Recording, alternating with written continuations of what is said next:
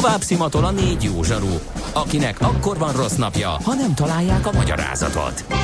A francia kapcsolat a Wall Streetig vezet. Figyeljük a drótot, hogy lefüleljük a kábelt. Folytatódik a millás reggeli, a 90.9 Jazzy Rádió gazdasági mapetsója. A pénznek nincs szaga. Mi mégis szimatot fogtunk. Jó reggelt kívánunk, 9 óra 17 percen folytatódik a millás reggel itt a 90.9 Jazzy Nács Gáborral. És Mihálovics Andrással. 0 30 20 10 9 0 9 ez az SMS és WhatsApp számunk, és itt kiderülnek, hogy hogy működnek az elektromos autók ebben a hidegben. MOL, Limo, IAP-pal veretek, Isten ilyen megy, fűtés is tökéletes, Istenhegyi út zugló viszonylatban 3 kilométert csökkent a töltöttség csupán, írja Boris. Aztán a kocsi mindent úgy csinál, ahogy bármikor eddig írja egy elektromos autót vezető másik hallgató, semmi extra, 90 km a hatótáv, ami amúgy nekem kb. 129, amikor a legoptimálisabb minden. Hegyes dombos részen lakom, itt nincs hidegindítás, indul, ahogy beül az ember, írja egy másik hallgató, és hát többen ajánlanak mindenféle blogot, meg, meg YouTube csatornát, ahol elektromos autót tesztelnek, úgyhogy majd utána fogunk nézni ezeknek is, de most dolgunk van, mert hogy... Tudod, mi az üsző? Még sosem forgatta a látszatolót? Fogalmat sincs, milyen magas a dránka? Mihálovics gazda segít? Mihálovics gazda, a millás reggeli mezőgazdasági és élelmiszeripari magazinja azoknak, akik tudni szeretnék, hogy kerül a tönköly az asztalra. Mert a tehén nem szálmazsák, hogy megtömjük, ugye? Éppen valószínűleg nagyban át fog alakulni az unió közös agrárpolitikája, úgyhogy egyrészt sokan támogatás csökkenés jósolnak, másrészt egy kicsit uh, nyitottabb közös piacot az agrártermékek tekintetében, hogy a végeken dolgozók hogyan készülnek ezekre a változásokra, egyáltalán mit lehet erről tudni. Renk Zoltánnal, a Hungranak Kft. vezérigazgatójával fogunk erről beszélni. Szerbusz, jó reggelt! Jó reggelt, üdvözlöm a hallgatókat!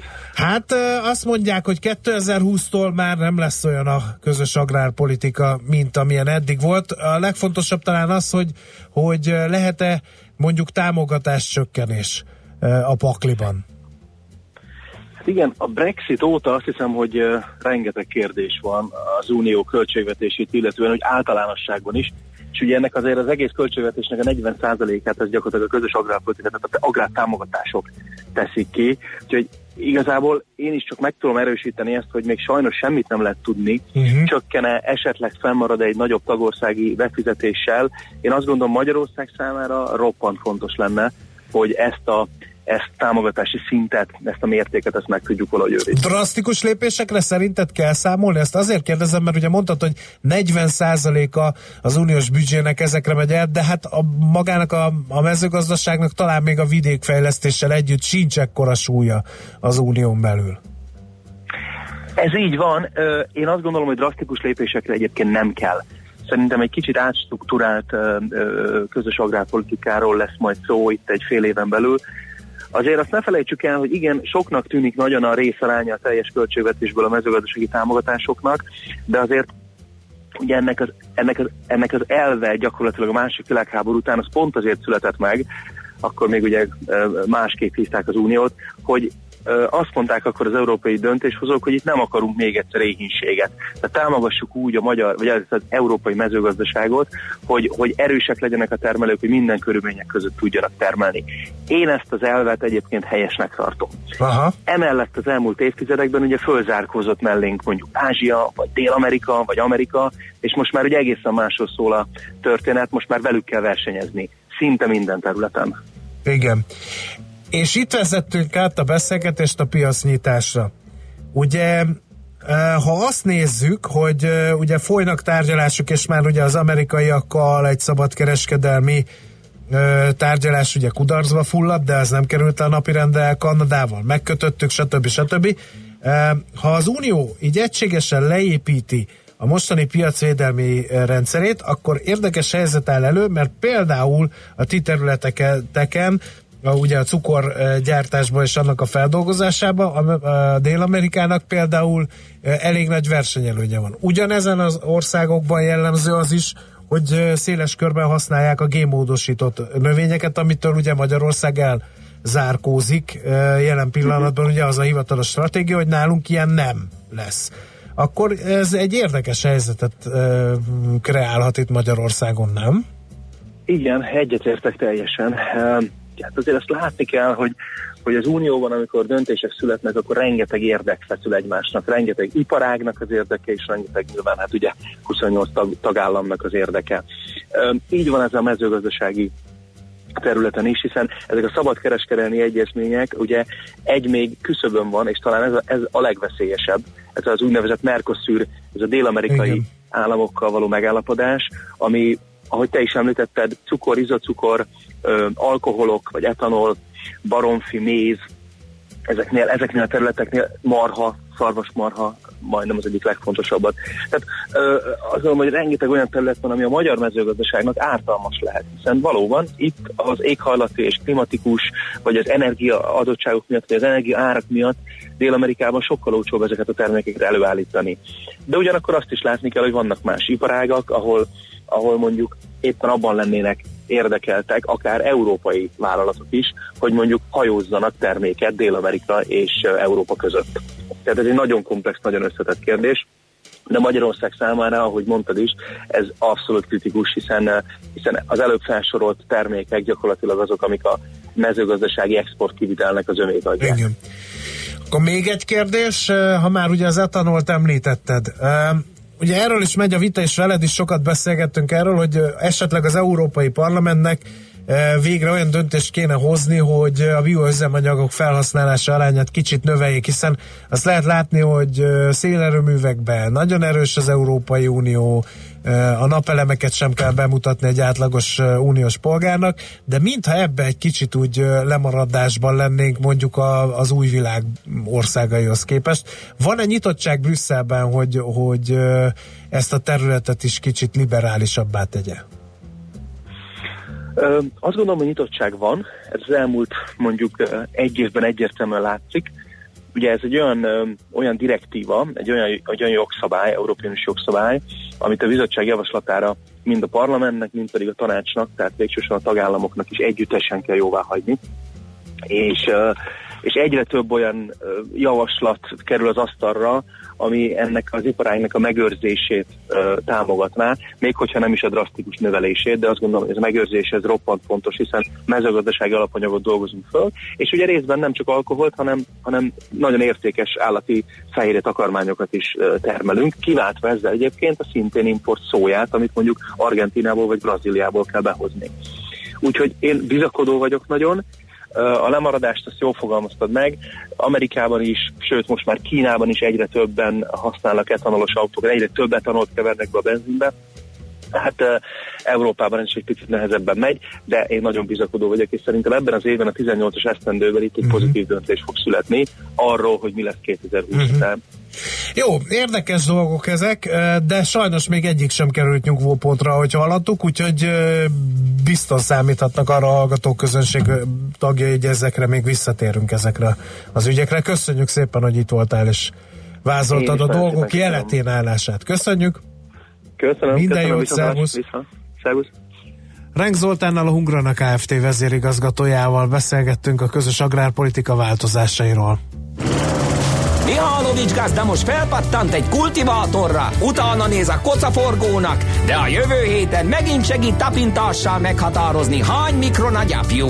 Hoci a pipát meg a bőrcsizmát. Most már aztán gazdálkodjunk a rézangyalát.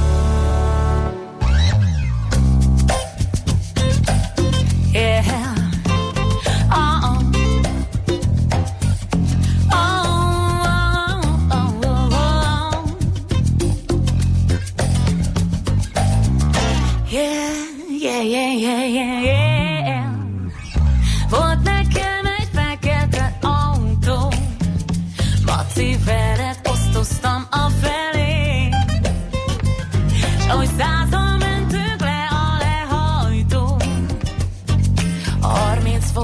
az anyós ülésbe süppettem én, de mondd meg, hol van az a fekete autó. Rászáradt bogarakkal az elején, s bár meg kell mondjam, nem vettem olcsón. És vizet is csak esőben látott ez a rozó.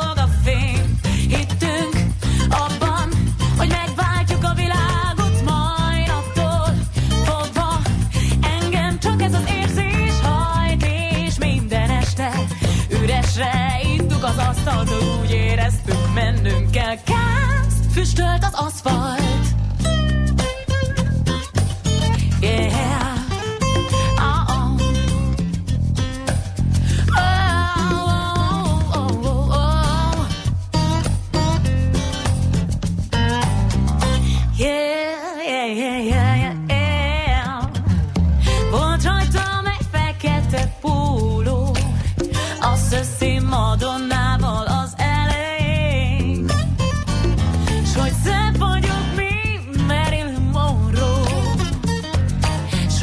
Nekem az autóban hazafelé, hazafelé volt egy üveg visszaváltó.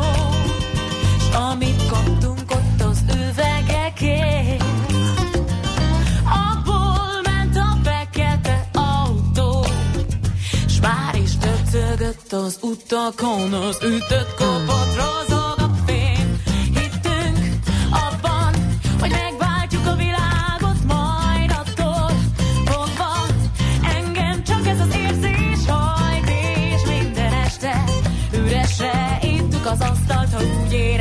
mennünk kell. Kánc, füstölt az aszfalt. Benzinkanna, apró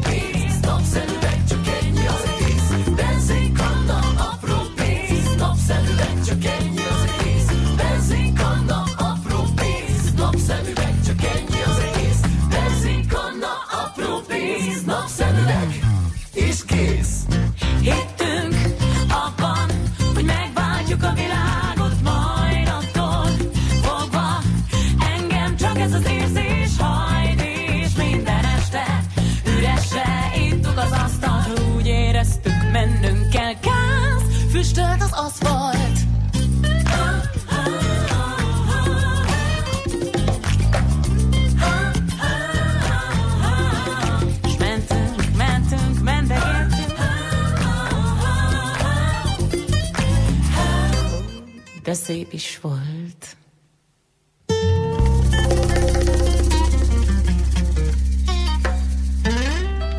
Tőzsdei és pénzügyi hírek a 90.9 Jazzin az Equilor befektetési ZRT elemzőjétől. Equilor, a befektetések szakértője 1990 óta. Kovács Bálint elemző vonalban, jó reggel, szia! Jó reggelt kívánok, én is sziasztok! Amerika szépet emelkedett pénteken, és pluszba lendült heti szinten. Sejtésünk szerint ennek lehet hatása Budapesten, de volt ma olyan, hogy Budapest ellentétes irányba mozdult, múlt héten is emelkedő napon esett, úgyhogy biztosak semmiben nem lehetünk. Nem esély mi újság. Igen, jók megérzések, mert Európa jobban elhúzott, ugy- ugye az előbb említett amerikai lendületre, mint a BUX. 0,2%-os pluszt látunk csak, 38.314 ponton áll jelenleg a BUX, és erős a forgalmunk, hiszen több mint egy milliárd forintos forgalmat láthatunk, ugyanakkor ez nem csak a blue chipeknek köszönhető, hanem a közepes papírok is, is erős forgalommal kereskednek. Amit láthatunk egyébként vegyes teljesítmény, tehát abszolút mm, értelemben gyakorlatilag az OTP az, akit emelkedni tud. JP Morgantól érkezett egy céláremelés, akik 12.200 forint helyett 13.000 forinton látják a következő 12 hónapban az OTP részvényét, és továbbra is ugye felülsúlyozásos ajánlást fogalmaztak meg. 0,3%-os pluszban az OTP a legforgalmasabb papírunk ma reggel, 11.350 forinton áll. A MOL némileg korrigál 0,6%-os pluszban a, a múlt heti esését követően 2788 forinton áll, ugyanakkor még kevésbé vagyunk optimisták a mol kapcsolatban, és néztünk egy rövid távú technikai várakozást a, a Buxra és a négy nagyra, és itt az egyik gyenge pontnak mi a MOL-t látjuk, akár 2500 forintos szintekig is lecsúszhat. És a Telekom esetében fordulóhoz készülhetünk, hiszen úgy tűnik, hogy a 257 forintos támasz szinten talán már tud fordulni a Telekom papírja. Jelenleg itt tartózkodik, ami körülbelül fél százalékos pluszt jelent, igaz, nagyon-nagyon alacsony forgalommal továbbra is a Magyar Telekom. A Richter pedig szinte stagnál, minimális emelkedést mutat most 6000 35 forinton áll, Richterrel kapcsolatban pedig egyértelmű irányt nem tudunk megfogalmazni, továbbra is magas volatilitásra számíthatunk. Uh-huh. Kicsit közepesek közül kit érdemes kiemelni? Hát van, van egy bizonyos csoporthoz köthető papírállomány, Aha. és ö, egyértelműen esnek ezek a papírok. Az Apenin 2,3%-os mínuszban 693 forinton áll, az Opus majdnem 3%-os mínuszban 636 forinton, a Konzum pedig közel 2%-os mínuszban 3070 forinton áll jelenleg, és bennük van viszonylag nagyobb forgalom a kicsikhez képest, illetve meg kell még említenünk a Nord Telekomot megint csak 6,6%-os plusz 55 forintos részvényárfolyamat láthatunk, és a 60 millió, for, 60 millió forintos forgalom az mindenképpen azért elismerése miatt, hogy ennyire kicsi vagy ennyire alacsony összeg ugye részvénynél. Most egyrészt a box alul teljesítésének, illetve a mészáros papírok ütésének lehet köze a hódmezővásárhely eredményhez, mert ugye a bizonytalanság, hogyha esetleg, mert azt már leszűrték politikai jellemzők, hogy eh, már nem annyira egyértelmű a választásoknak a kimenetele, és a bizonytalanság az mindig a tőzsdén eh, szokott okozni egy eh, kisebb fajta alul teljesítést, vagy rossz hangulatot, tehát lehet ehhez köze, vagy teljesen független ettől szerinted? Értem a kérdést és olvastam eh, néhány helyen, ahol összefüggésbe hozzák a dolgot. Én személyesen nem kívánom kommentálni ezt a dolgot. A, amire gondolhatunk az az, hogy itt az előbb említett esésnél nem pont a, az erős fundamentumok azok, amik mozgatják továbbra sem, de én, én, én ennél több összefüggést nem, uh-huh. nem szeretnék papírok között keresni. Uh-huh. Oké, okay. jó van. Köszönjük szépen, Bálint, szép napot, jó kereskedést, azt akkor délután találkozunk ezek szerint. Igen, köszönöm szépen nektek is, sziasztok! Szia, szia! Kovács Bálint elemzővel beszéltünk tehát a tőzsdenyításról. Tőzsdei és pénzügyi híreket hallottak a 90.9 jazz az Equilor befektetési ZRT elemzőjétől. Equilor, a befektetések szakértője 1990 óta. Műsorunkban termék megjelenítést hallhattak. A lakosság nagy része heveny mobilózisban szenved. A statisztikák szerint egyre terjednek az okostelefonok. A magyarok 70%-a már ilyet használ. Mobilózis. A millás reggeli mobilos rovata heti dózisokban hallható minden szerdán 3.49-től. Hogy le nem erőj. A rovat támogatója a Bravofon Kft. A mobil nagyker. Rövid hírek a 90.9 Jazzin. Péntekig mintegy 350 ezren kérték papír alapú SZIA bevallási tervezetük postázását a NAV-tól. Idén is az SMS a legnépszerűbb, a kérelmezők 70%-a így fordult az adóhatósághoz, mondta Tálai András, adóügyekért felelős államtitkár. Az E-SZIA mindenki számára elérhető lesz elektronikusan március 15-e után az ügyfélkapun keresztül. Akinek nincs ügyfélkapuja, március 19-ig kérheti a papír alapú bevallási tervezetének postázását. Az ügyfelek SMS-ben, űrlapon, levélben vagy nyomtatványon, illetve telefonon is fordulhatnak a NAV-hoz. A nyugdíjasok 53%-a egyáltalán nem vagy csak komoly lemondások árán képes megélni a nyugdíjából, derül ki a Publikus intézet felméréséből. Az ellátás összege nem mellékes a számukra, hiszen 87%-uknak ez az egyetlen bevételi forrásuk. Az átlagosan 124 ezer forint körüli járandóságon kívül nem rendelkeznek más jövedelemmel, írta a vasárnapi hírek. A megkérdezettek 58%-a úgy érzi, kevesebbet tud vásárolni a nyugdíjából, mint 5 évvel ezelőtt. Nyolc hónapja csúszik a sportkórház költözése. A Magyar Nemzet azt írja, a költözés részben a röngen szigetelésének megoldatlansága miatt csúszik, márpedig a folyosón várakozókat nem érheti sugárzás. Ezért a szakellátásra érkező betegeket egy másik szolgáltatóhoz irányítják, ha ilyen vizsgálatra van szükség. A sebészet sem tudott még a Karolina úti telephelyre költözni, a beavatkozásokat egyelőre a Semmelweis Egyetem ülői úti klinikáján végzik. Alap megkérdezte, meddig lehet erre az átmeneti állapotra számítani, konkrét választ azonban nem kaptak a sportkórháztól. A rendőrség egész héten fokozott közúti ellenőrzést tart az országban, elsősorban a vezetési és pihenő idővel, a veszélyes áruk szállításával összefüggő szabályok megtartását, valamint a beutazás, illetve a belföldön tartózkodás jogszerűségét vizsgálják. Zárva tartanak az iskolák a rendkívüli hideg miatt Olaszországban. Az ország középső, illetve a félsziget déli részének több térségében szünetel az oktatás a bölcsödéktől az egyetemekig. A római főpolgármester a közparkokat és a temetőket is lezáratta, és a városban betiltották a kamionforgalmat is.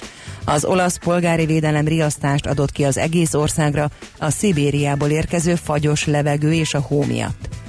Budapesten most mínusz 8 fok körüli értékeket mérünk, kevés felhő van csak az égen, délután délfelől felhősödés kezdődik, élénk marad a szél. Napközben mínusz 8, mínusz 2 fok valószínű. A hírszerkesztőt, Czoller Andrát hallották, friss hírek legközelebb fél óra múlva. Budapest legfrissebb közlekedési hírei, itt a 90.9 jazz jó napot kívánok! A fővárosban továbbra is tart a helyszínelés és a műszaki mentés. A hatos főúton a Gyár utca közelében az érintett útszakaszt megnyitották, a forgalom irányonként egy sávon haladhat, de továbbra is jelentős a torlódás, illetve lassú az előrejutás a Nagy Tétényi úton és az m 0 autóúttól a Szavolyai Jenő térig. A 138-as autóbusz terelt útvonalon közlekedik, nem érinti a Dexter, a Jókai Mór utca és a Lépcsős utca megállót.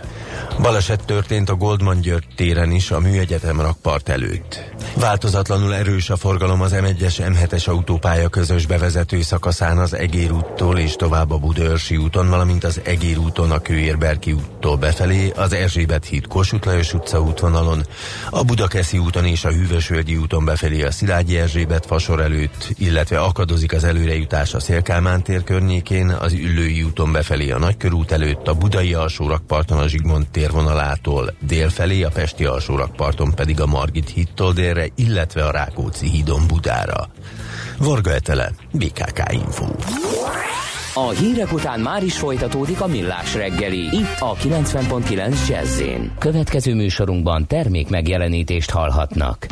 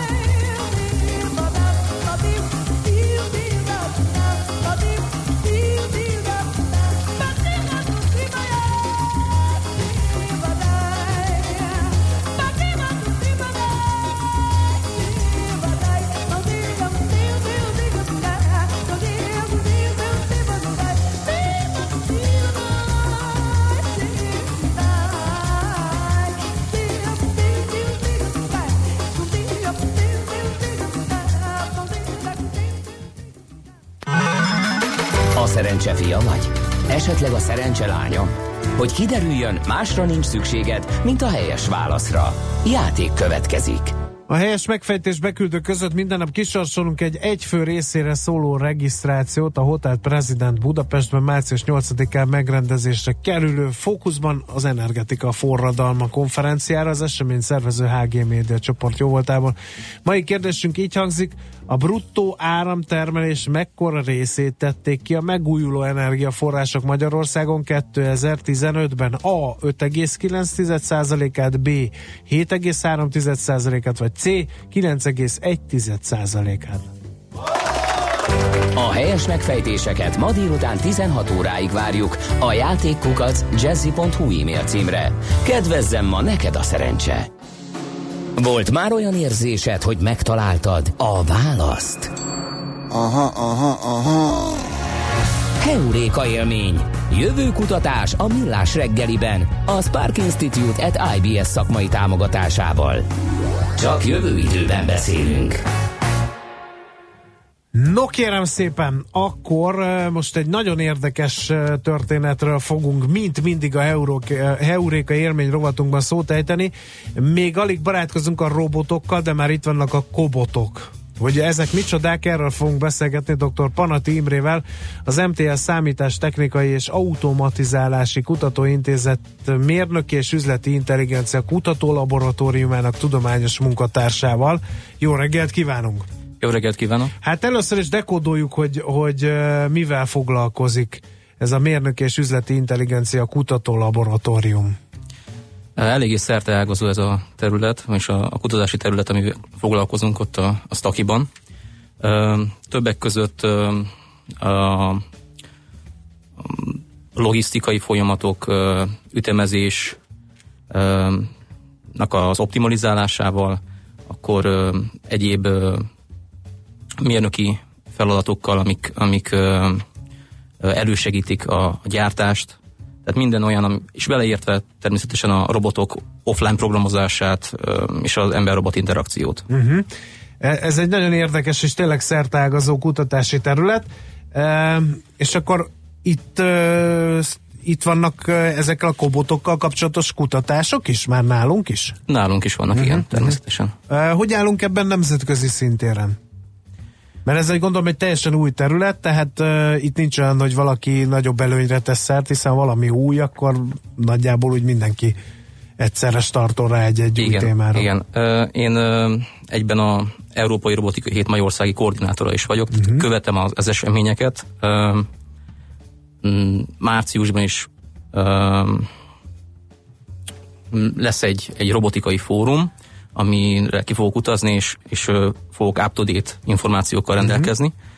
Ö, Mivel már megvásárolható kereskedelmi forgalomba egy-egy ilyen kobot, ezért, hogyha ha ezt adott esetben egy, egy, egy egyetem, egy kutatóintézet megvásárolja, akkor onnan, onnan indul igazából a kutatás, tehát hogyan, hogyan tudja azt fejleszteni, hogyan tudja uh-huh. olyan algoritmusokkal felvértezni, hogy még hatékonyabb legyen adott esetben a gyártás. Mi a különbség egy robot meg egy kobot között?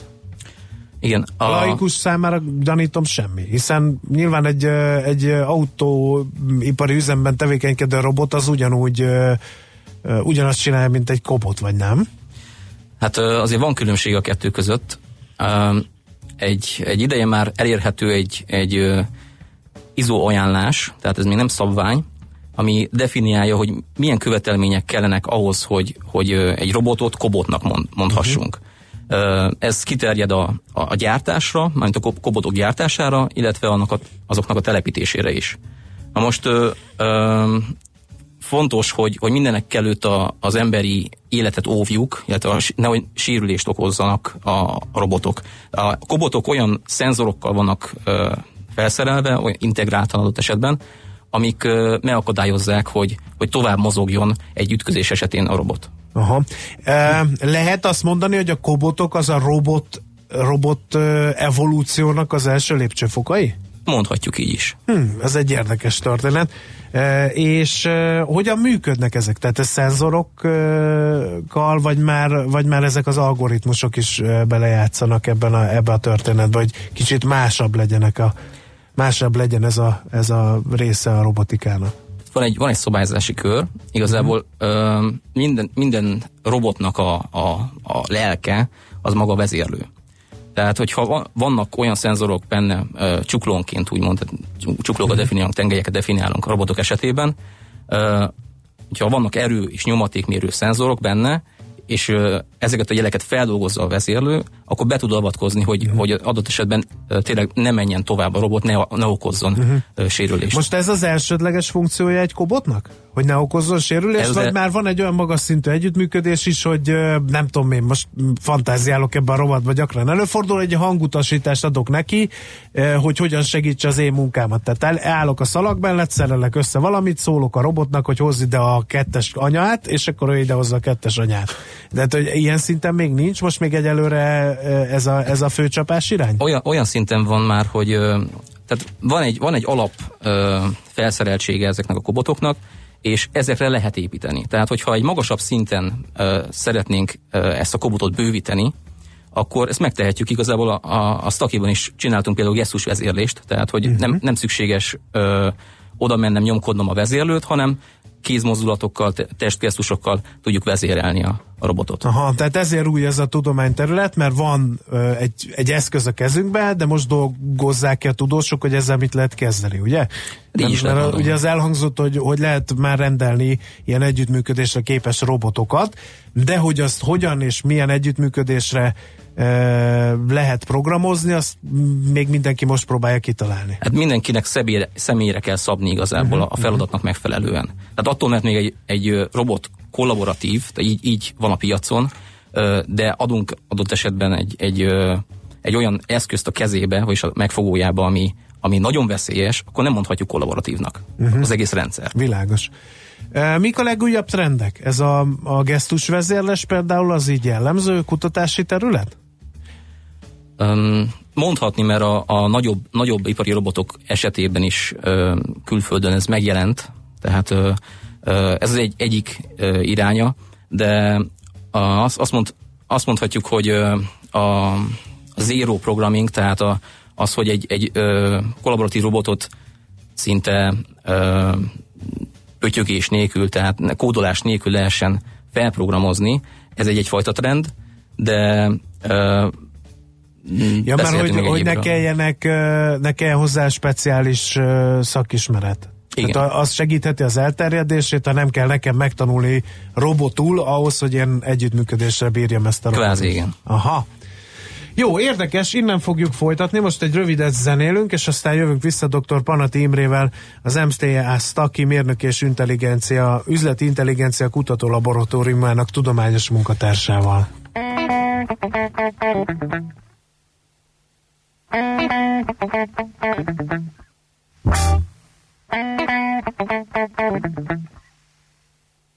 Move your body, now stop, move your mind. Cause in this space and time, there are more than Jews out there to shine. I mean, hold it down. Stop acting clown.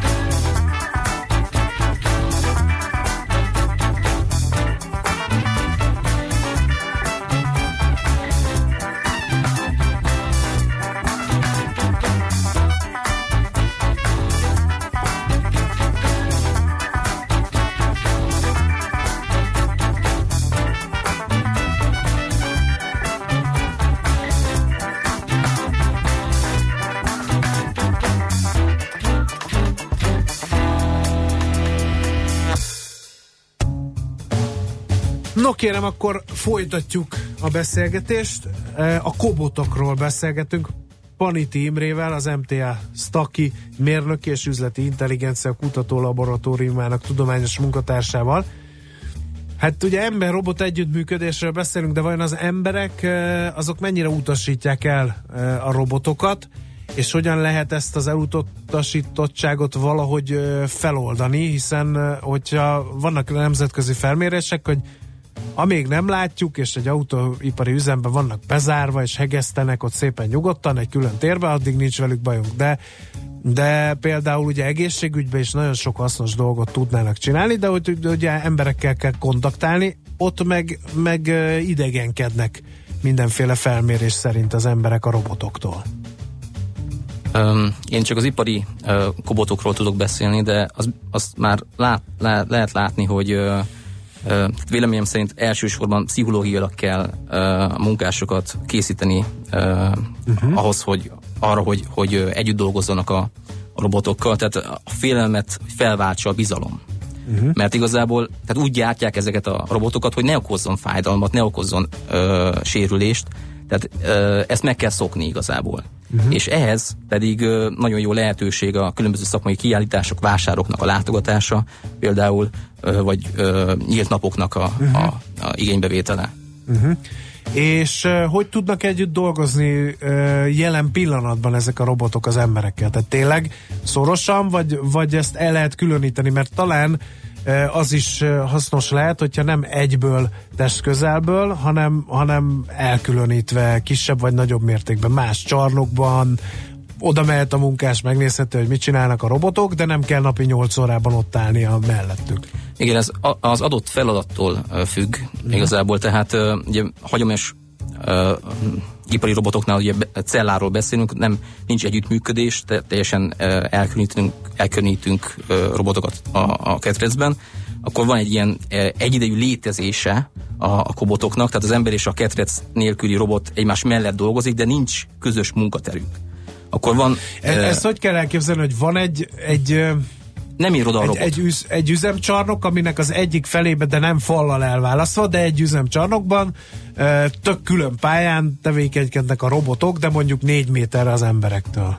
Nem szükség, így. nincs, nincs szükség négy méterre, tehát van egy Most- hatótávolsága a Igen, robotnak, igen. tehát amennyire ki tud, most hogyha És ez a fel robot van karról, festve, hogy a robotok eddig fognak tudni eljönni kedves Adott munkamenet. esetben igen, igen. Értem, és akkor van az, amikor már teljesen egymás mellett, egymás munkáját segítve, kiegészítve dolgoznak? van, ami, ami ilyen szinkronizált, összehangolt Mhm. ö, ö, mozgást, van a kooperatív együttműködés, illetve a kollaboratív, amikor az ember és a robot szimultán dolgozik ugyanazon a terméken, tehát átadja adott esetben a robot az embernek, vagy az ember a robotnak a, a terméket, vagy a, a szerszámot. Például mi ezt is kutatjuk, hogy hogyan lehet ergonomikusan használni szerszámokat. Ugyanazt a szerszámot, amit az ember használ, a robot is tudja használni. Fú, ez a elég futurisztikus ez a beszélgetés. Most nem tudom magam elé képzelni, vagy a, a, a kinézeteket, meg hogy az egész Tényleg folyamatot erre, valahogy erre olyan figyelnek? Eh, hogy, hogy majdnem azt mondtam, hogy megnyerő legyen a robot, de hát az egy, egy gép esetében talán nem is helyén való kifejezés, hogy a, a, a kobotok fejlesztésénél eh, figyelnek a, a humán tényezőre, hogy a, hogyha együtt dolgozik vele egy munkás, akkor ne legyen félelmetes a színe, ne legyenek hirtelenek és gyorsak a mozdulat. Nem tudom, most hülyeségeket kérdezek, lehetséges, de, de sebesség ezek az- jutnak eszembe. A sebesség az valóban limitált, ezért egyes cégek nem is alkalmazzák, mert hátráltathatja adott esetben a- az adott, adott ö, termelést. Mármint az, hogy a robot sokkal gyorsabb, mint az ember? nem, hogy la, lass, lelassítják, hogy ne, Ja, legyen, értem. ne legyen olyan, uh-huh. olyan gyors, mint a adott esetben egy ipari robot. Igen. Ö, a kinézetében, hát van olyan gyártó, amelyik, amelyik ö, erre is figyel, tehát olyan tehát kijelzőben szemeket rak rá, meg, meg hasonló, tehát uh-huh. de nem ez a trend. Nem ez a trend, értem. Hát még azért ez korai lenne. Tehát ez inkább az érdekesség kategóriája. Igen. Mhm. És uh, Magyarországon, illetve a világban, és legyen ez az utolsó kérdés, mert nagyon elszaladt az idő, hogy uh, mennyire van elterjedve uh, ezek az ipari alkalmazású robotok. Ugye mindig, amikor valaki robotokról beszél, akkor egyből az autóipar ugrik be, uh, mert ott lehet látni már elég régóta ezeket a hegesztő és egyéb robotokat, de hol vannak még jelen? Akár Magyarországon is. Hát, hogyha a kutatásfejlesztés irányból közelítjük, és haza, haza kell beszélnem, ugye... Mindenképpen. Ugye nálunk ö, volt, egy, volt egy átadása ö, egy, egy ö, ö, ö, ipar ö, 4.0-ás ö, ö, kutatás és innovációs kiválósági központnak, és van egy mintarendszerünk, amiben helyet kaptak kollaboratív robotok is. Uh-huh. Tehát a célja többek között az, hogy az ottani cégekkel fel tudjuk venni a kapcsolatot, hogy együttműködések jöjjenek létre, közös projektek jöjjenek létre, Uh-huh. és hát ez, ezekről a célkidőzésekről bővebben az ipar 40 kutatás .hu oldalon lehet Aha. tájékozódni. De ezt úgy kell elképzelni ezt a rendszert, hogy kvázi kicsiben fel van építve egy üzem, ami az ipar 4.0 szerint működik. Tehát van benne big data, mesterséges intelligencia, robotok, szenzorok, adatgyűjtés és elemzés, tehát így, és ezt ott ki Az lehet próbálni annak, aki ilyen fejlesztésekben gondolkodik? Az infrastruktúra az kiépült, uh-huh. Beszerzések megtörténtek, vannak kollaboratív robotok, illetve alkalmazások már, Uh-huh. viszont a teljes, teljes integráltan a rendszer az majd szeptemberben ö, és ősz, ősszel lehetőleg. Aha. És pont, pontos időpontot nem tudok Hát mondani, nyilván de a fejlesztéseknél nehéz Igen. azt mondani, hogy szeptember 12-ére kész. hát most, most szeptember ugrott be, de, Aha. de tehát ősszel ö, ö, szeretnénk És ez, ez nyitott? lépni. Tehát egy cég hallja ezeket a szavakat, az bemehet és megnézheti, hogy hogy fog kinézni az ő üzeme mondjuk 5-10 éven belül? Hát majd igen. Uh-huh. Hát nem biztos, hogy, hogy így fog kinézni, de, de adott De esetben egy egyes, ele, egyes elemei, hogy, hogy ö, hogyan alkalmazhatók, igen. Uh-huh. Uh-huh. E, és azt, azt vállalják a kutatók, hogy én nekem van tőkém, szeretném meglépni az ipar 4.0-át, mert arról szólnak a hírek, hogy ez a következő nagy ugrás és a következő ipari forradalom, és ö, igen ám, csak ugye az eszközöket, ahogy, ahogy elhangzott a beszélgetés korábbi részében is, ö, valahogy egyén is, egyénesíteni kell, tehát az egyéni igényeknek megfelelően kell működésre ösztönözni, hogy ö, erre is van lehetőség. Tehát lehet együttműködési kell szerződést kötni mondjuk az MTS takival, hogy ez az én problémám, hogy van egy ilyen kobot, de azt szeretném, hogyha nem a kettes anyát adná oda, hanem elmenne három méterre, és onnan egy gumiabroncsot hozna oda nekem. Most megint csak hülyeségeket fantáziálok. Tehát, hogy ilyen ö, szoftverfejlesztés, vagy, vagy technológiafejlesztési együttműködés az, az nyitva áll a vállalkozás. Nyit, nyitva áll a vállalkozások rész, ö, részére. Ö, igazából teljesen nyitottak vagyunk, tehát ö, együttműködési megállapodásokat ö, Mhm. eddig is kötöttünk.